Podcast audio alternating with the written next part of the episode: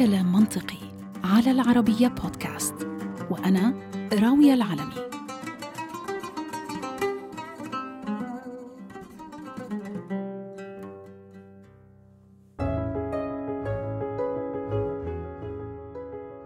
رمضان هنا وسنة جديدة حلت. الحديث الدائر في كل مكان الآن هو الصيام. فما أصل هذه الممارسة؟ بعض الباحثين يشير إلى أن أصل الصيام في جزيرة العرب بيعود لسابئة حران. خلال عهد احتلال نابونيدس ملك بابل لتيماء. كانت السابئية تنتشر لدى بعض القبائل العربية اللي كانت تقدس الكواكب والنجوم وعبادة القمر. آخرون بيقولوا إنها أقدم من ذلك وبتعود لأيام المصريين القدماء وذلك للتقرب من الموتى. لأن الموتى لا يأكلوا ولا يشربوا وكان صيامهم مقسم لصيام الشعب وصيام الكهنة. فالشعب بصوم سبعين يوم. لا يأكلون فيها إلا الخضروات وما بيشربوا إلا الماء. أما الكهنة فبيصوموا أربعين يوم. ليزيدوا من درجة قدسيتهم بالامتناع عن الطعام والشراب ومعاشرة النساء من شروق الشمس حتى غروبها.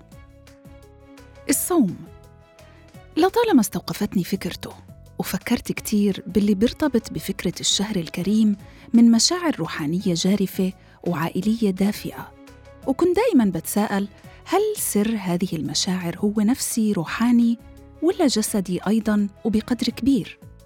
وهل هناك علاقة بين عملية الصيام عملياً وبين هذا الشعور بالصفاء والارتباط؟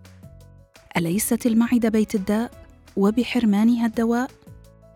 رسولنا الكريم قال: صوموا تصحوا، والصيام جنة، في تأكيد على أهمية الصيام عملياً وليس فقط دينياً ومعنوياً. وطبعاً كل شخص فينا سمع وقرأ وشاهد مئات إن لم يكن الآلاف من التقارير والمقابلات في وسائل الإعلام والتواصل الاجتماعي عن أهمية الصيام وفوائده الجسدية وهذا شيء مش مستغرب ابدا في عالمنا العربي أو الإسلامي ولكن المستغرب إنه في السنين الأخيرة ظهرت في الغرب تيارات طبية وصحية بتشجع على الصيام ودراسات بتأكد فوائد الصيام الصحية في ضبط الوزن والتخلص من الزائد منه والسيطرة على ودرء الأمراض المزمنة والخبيثة ومنها السرطان. وبدأ هذا النوع من الصيام يلقى رواج كبير جدا في الغرب. ومن هون قررت أبحث عن هذه الفوائد من منظور علمي لحتى أعرف وأفهم شو بيصير في أجسامنا لما منصوم. وشو هي كل المراحل والعمليات الحيوية اللي بتصير داخل جسمنا ساعة بساعة وإحنا صايمين؟ وكيف بتأثر على جسمنا وذهننا في نفس الوقت؟ نادين عنداري أخصائية التغذية رح تمشي معنا خطوة بخطوة لنكتشف سر جديد من أسرار أجسادنا الساحرة. اللي خلق لنا إياها الله سبحانه وتعالى. الصيام هو عادة مارستها الأديان السماوية الثلاثة من اليهودية للمسيحية فالإسلام ولأنه تضارب بعض مبادئ الإيمان مع بعض مبادئ العلم أمر وارد فمن اللحظات السعيدة لما بيتفق الاثنان علم وإيمان. منذ ست سنوات فاز العالم الياباني بورشينوري أوسومي بجائزة نوبل للطب عما سماه عملية الالتهام الذاتي وربطها بالصيام. وفكرة بحثه بتقوم على مبدأ إنه الجسم لما بيجوع فإنه بيبدأ بأكل نفسه وبيقوم بعملية تنظيف ذاتية داخلية. لذلك لما يجوع جسم الإنسان لمدة لا تقل عن 8 ساعات ولا تزيد عن 16 ساعة فهو بينتج بروتينات خاصة تسمى أوتوفاجيسومز في كل أجزاء الجسد. وهذه بتقوم بعمليات تنظيف مهولة للجسم. فهي بتجمع الخلايا الميتة السرطانية والمريضة وبتحللها وبتعيدها لحالتها الطبيعية. ونصحت الدراسة بممارسة الجوع والعطش مرتين أو ثلاثة أسبوعياً وهو ما يطابق قول الرحمن وإن تصوموا خير لكم إن كنتم تعلمون. هلا شو اللي عم بيصير كتغييرات على المستوى الفسيولوجي بالجسم؟ هون بالفعل تغييرات متعددة. من اهمها إنه بصير في أكيد بعد الامتناع عن الطعام لفترة طويلة بصير في انخفاض بمعدل السكر في الدم. هذا بيأثر بشكل مباشر على البانكرياس واللي بيؤدي إلى إفراز الجلوكاجون وهذا بيساهم في آه، يعني تحرير السكر لحتى الجسم يكون عم بياخذ طاقته من السكر وأيضا بقلل من إفراز الإنسولين وهذا بحسن من استجابة الجسم للإنسولين. نحن بناخذ المخزون الجلوكوز آه، بيبقى مخزن أكثر شيء بالعضلات وبالكبد وهذا بيبقى اجمالا مصدر أساسي للطاقة بالجسم أثناء الصيام. عند نفاذ هالمخزون هيدا ساعتها بيلجأ الجسم لاستخدام الدهون كمصدر للطاقة. واللي حلو بالصيام إنه عم بيزيد إفراز آه، يعني آه، نسبة من العديد من الهرمونات مثل ال glucagon، epinephrine، كورتيزول وهرمونات النمو وهي هيدي اللي بتأدي لتحرير آه، هالدهون من خلال انزيمات معينة مثل ال lipase أو hormone sensitive lipase في حالات معينة اللي هو بس يصير في كمان نفاذ آه، مثلا مخزون الدهون هون ممكن نلجأ نحن للبروتين ولكن هيدا ما بيصير بصيام رمضان بالذات لأن آه، هالطاقة اللي نحن عم ناخذها بهالوجبات اللي عم تتاكل ما بين الإفطار والسحور بتمد الجسم بالطاقه الكافية لحتى ما نوصل لهالمرحلة هيدي. Intermittent fasting أو الصوم المتقطع. هو مصطلح تكرر ذكره كتير على مواقع التواصل واليوتيوب في السنوات الأخيرة. في كتير ناس جربوا في الغرب لإنقاص الوزن وتطهير الجسم من السموم والبعض عنا في العالم العربي أيضاً جربوا لأسباب مشابهة. هذا النوع من الصيام بيشبه إلى حد كبير صيام المسلمين في شهر رمضان بحيث يتوقف الشخص عن الأكل والشرب لساعات طويلة وبيأكل وبيشرب خلال ساعات قليلة. في الغرب بنشوف صار في اهتمام زايد بالصيام ولكن يعني بينعمل بطرق مختلفة. فيما يعرف بالصيام المتناوب اللي هو يوم بعد يوم فهون بيبقى عم بيتناول الشخص يعني بيتناوب ما بين أيام من الطعام الحر مع أيام أخرى. بيبقى عم بيتناول مثلا وجبة وحدة فقط باليوم بتأمن حوالي 25% من إحتياجاته. في عنا الصيام اليوم الكامل اللي هو بينعمل يوم أو يومين آه، في الأسبوع وهون ما يعرف ب 5 2 وهون بيبقى آه، بيصوم الشخص يومين بالأسبوع وخمس أيام بيأكل بشكل حر. وفي عنا كمان الصيام اللي بيبقى بوقت محدد واللي هو ما يعرف مثلا 16 8 أو 12 12 أو 14 10 فهون مثلا الشخص بيصوم 16 ساعة وبيأكل ضمن خانة أو وقت 8 ساعات. أحد أشهر أنواعه ما يسمى ب 8 على 16 فبيتوقف الشخص عن الأكل والشرب لمدة 16 ساعة ومن ثم بياكل وبيشرب اللي بيحلو له لمدة 8 ساعات. والشخص اللي بيقوم بهذا الصيام المتقطع بيقدر يختار أي ساعات رح يصوم وأي ساعات رح يأكل. طبعا الصيام المتقطع اللي صار له شهرة ورواج واسع في الغرب زي ما ذكرنا له أنواع مختلفة. البعض منها بيعتمد على تقليل أو زيادة ساعات الصوم أو الأكل. والبعض الآخر مثل 2 على 5 بيعتمد على تقليص عدد السعرات الحرارية اللي بتناولها الشخص ل 500 أو 600 سعرة حرارية في اليوم لمدة يومين في الأسبوع وبيأكل بشكل طبيعي بقية الأسبوع. وكمان هناك نوع يسمى كل توقف ثم كل وهو يعتمد الصوم كلياً لمدة 24 ساعة ليوم أو يومين بالأسبوع. ونوع آخر بيعتمد على الصيام يوم بعد يوم لفترة من الزمن. ولكن شو بيصير بالجسم لما بنحرمه من الطعام؟ مصدره الوحيد للطاقة. وكيف رح يقدر يقوم بما عليه من وظائف؟ وكيف يمكن أن يكون هذا مفيد؟ لما بنصوم الجسم بيحرم من مصدره المعتاد لمادة الجلوكوز. وهذا بيجبر الخلايا على اللجوء لمصادر تانية. ومواد أخرى للحرق لإنتاج الطاقة. وهنا الجسم بيبدأ في مرحلة تسمى جلوكونيوجينيسيس أو بالعربي مرحلة استحداث السكر. وهي عملية طبيعية بيقوم فيها الجسم بإنتاج السكر اللي بيحتاجه. وفي نفس الوقت الكبد بيقدم يد المساعدة بتحويل المواد الغير كربوهيدراتية مثل الألبان والأحماض الأمينية والدهون لطاقة جلوكوز. ولأنه أجسادنا بتخزن الطاقة خلال الصوم عملية الأيض أيضاً في الجسم بتصير فعالة أكثر. وهذا بيؤدي لخفض سرعة ضربات القلب وخفض ضغط الدم.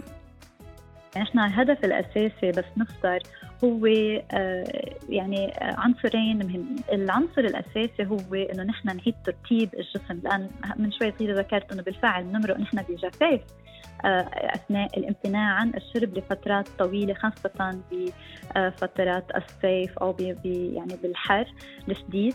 فهون نحن بنجرب إنه نركز على آه، إدخال السوائل على الإفطار مثل المي، اللبن، الشوربة، دائما الأفضل نحن نبتدي بهالثلاث عناصر، وبعدين عندنا كمان المهم إنه نحن نرجع نعيد معدل أو نرجع معدل السكر بالدم للطبيعي، فهال آه، فهالسنه نحن ناخذ التمر بيساهم برفع معدل السكر في الدم والأفضل دائما نحن ننتظر لمدة نص ساعة نقوم بأداء الصلاة ويعني نقعد نجلس مع العائلة لأن هذا عم بيعطي وقت لهالإشارة إنه تنبعث من نعم. آه من جهاز الهضم لجهاز للدماغ لحتى.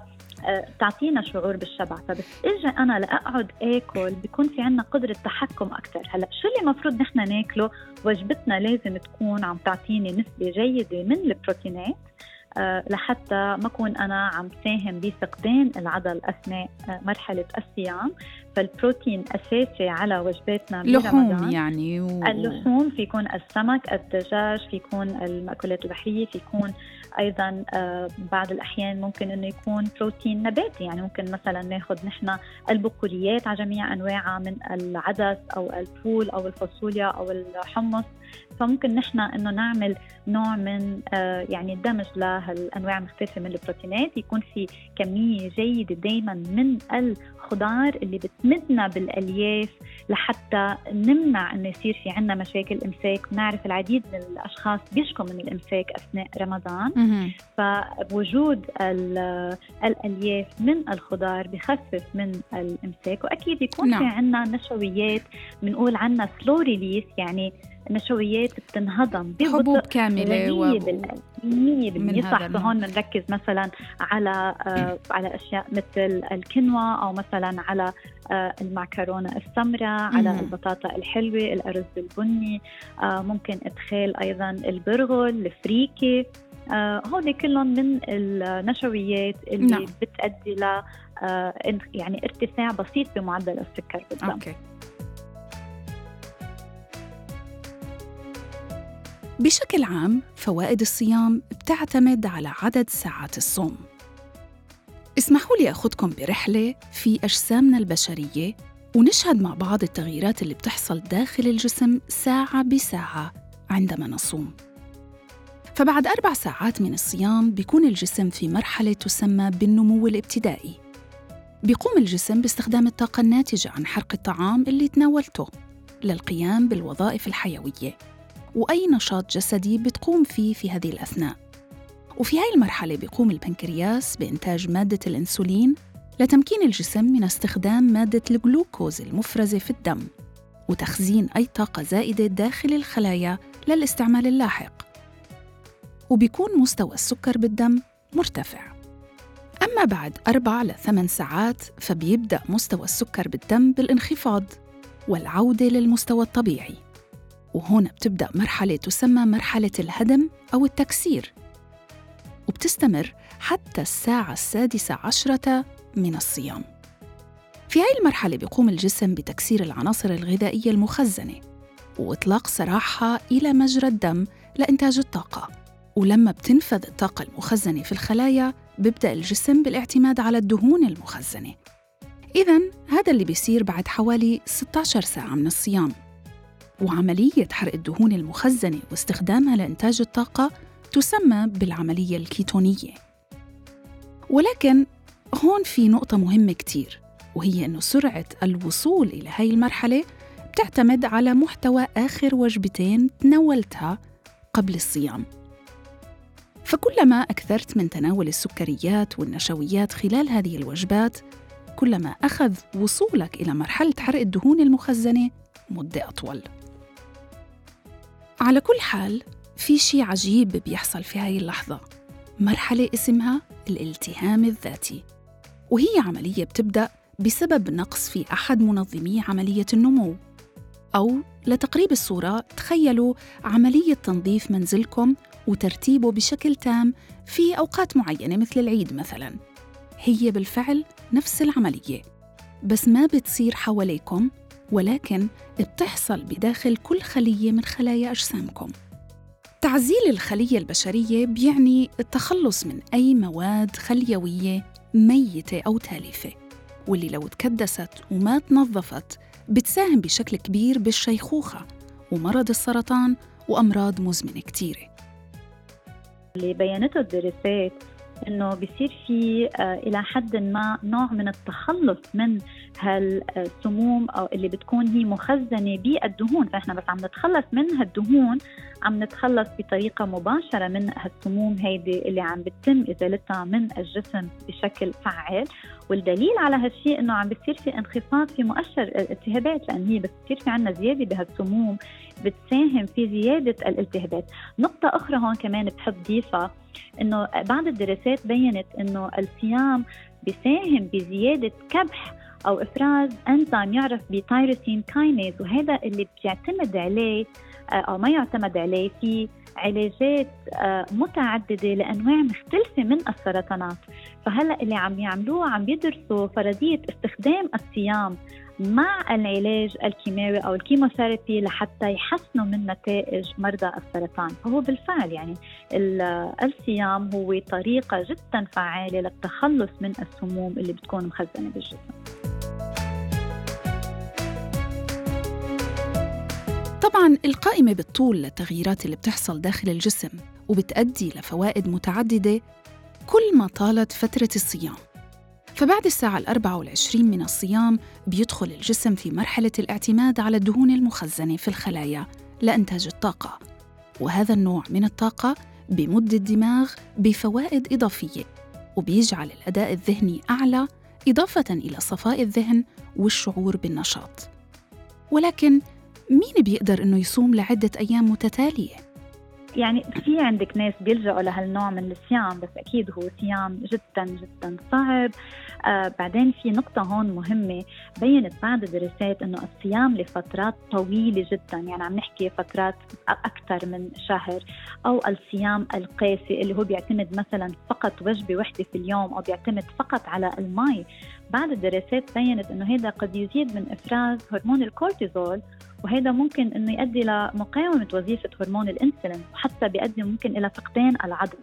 فهو الصيام اللي بينعمل برمضان هو الصيام الصحي الصيام اللي بالفعل عم بيفيد الجسم على عدة مستويات. يعني نحن بس نحكي إنه الجسم بهالصيام هيدا عم بيساهم باستخدام الدهون كطاقة. شو عم نستفيد نحن بس عم عم نستعمل هالدهون؟ هون عم بيصير في عنا نحن إلى حد ما انخفاض في الدهون الثلاثية انخفاض بالكوليسترول ولو كان لو كان بسيط. وهذا كمان عم بيكون مرتبط بتنزيل الوزن. هلأ كمان تنزيل الوزن ومثل ما حكينا من قبل يعني ذكرنا قبل بشوي إنه بصير في إفراز للانس بصير في تقليل من إفراز الإنسولين هذا بيساهم بتحسن آه، أو بتحسين التحكم بالسكري. فهو الصيام اللي بينعمل لبضع ساعات أثناء اليوم بشكل مضبوط فهذا الصيام بالنسبة لإلي بيكون أفضل لأنه هو صيام أول شيء سهل على الشخص إنه يتبعه وعم ناخذ نفس الفوائد اللي نحن عم ناخذها آه، من الصيام لمدة أطول بكثير الصيام اللي هو بيصير أثناء رمضان عم بيعطينا كل هالفوائد اللي نحن عم نحكي عنها. يعني نحن بس عم نحكي إنه الجسم بيلجأ لاستخدام الدهون كمصدر للطاقة. شو عم بيصير هون؟ نحن بالفعل هون عم بيصير في عنا انخفاض بالدهون الثلاثية بيصير في انخفاض بسيط بالكوليسترول وهذا كمان عم بيكون مرتبط بتنزيل الوزن. تنزيل الوزن مع أكيد تقليل إفراز الإنسولين اللي هلأ من شوي صغيره ذكرناه كمان من شأنه إنه يحسن من معدل السكر بالدم. ومع على المدى الطويل مع تنزيل الوزن بصير في انخفاض بسيط بضغط الدم حتى. فبالفعل نحن عم نشوف في فوائد متعددة لهالصيام اللي هو يعتبر صيام سهل إلى حد ما اتباعه أكيد دائما في صعوبة أول كم يوم من رمضان يعني بنقول بيكون في عنا آه، وجع الرأس اللي هو يصاحب أول كم يوم وهذا وجع الرأس بيكون أكثر شيء آه، أسبابه هو انخفاض بمعدل السكر بالدم الجفاف أكيد بيساهم وبنفس الوقت الآن عم نتوقف عن الكافيين بس بنشوف نعم. انه الجسم عنده قدرة على التغلب على والتكيف. كل العناصر هذه والتكيف 100% بالفعل والتكيف لحتى يصير إلى حد ما أسهل لنا نحن نكفي طيب. صيامنا للشهر كله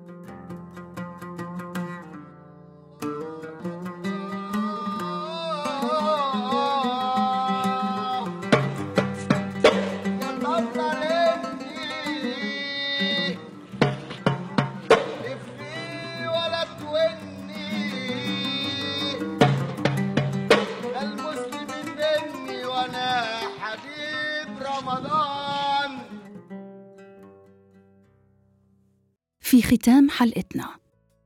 مع موعد الإفطار لما بيكون الهواء مليء بالمحبة والأجواء معطرة بدفء العائلة والأهل.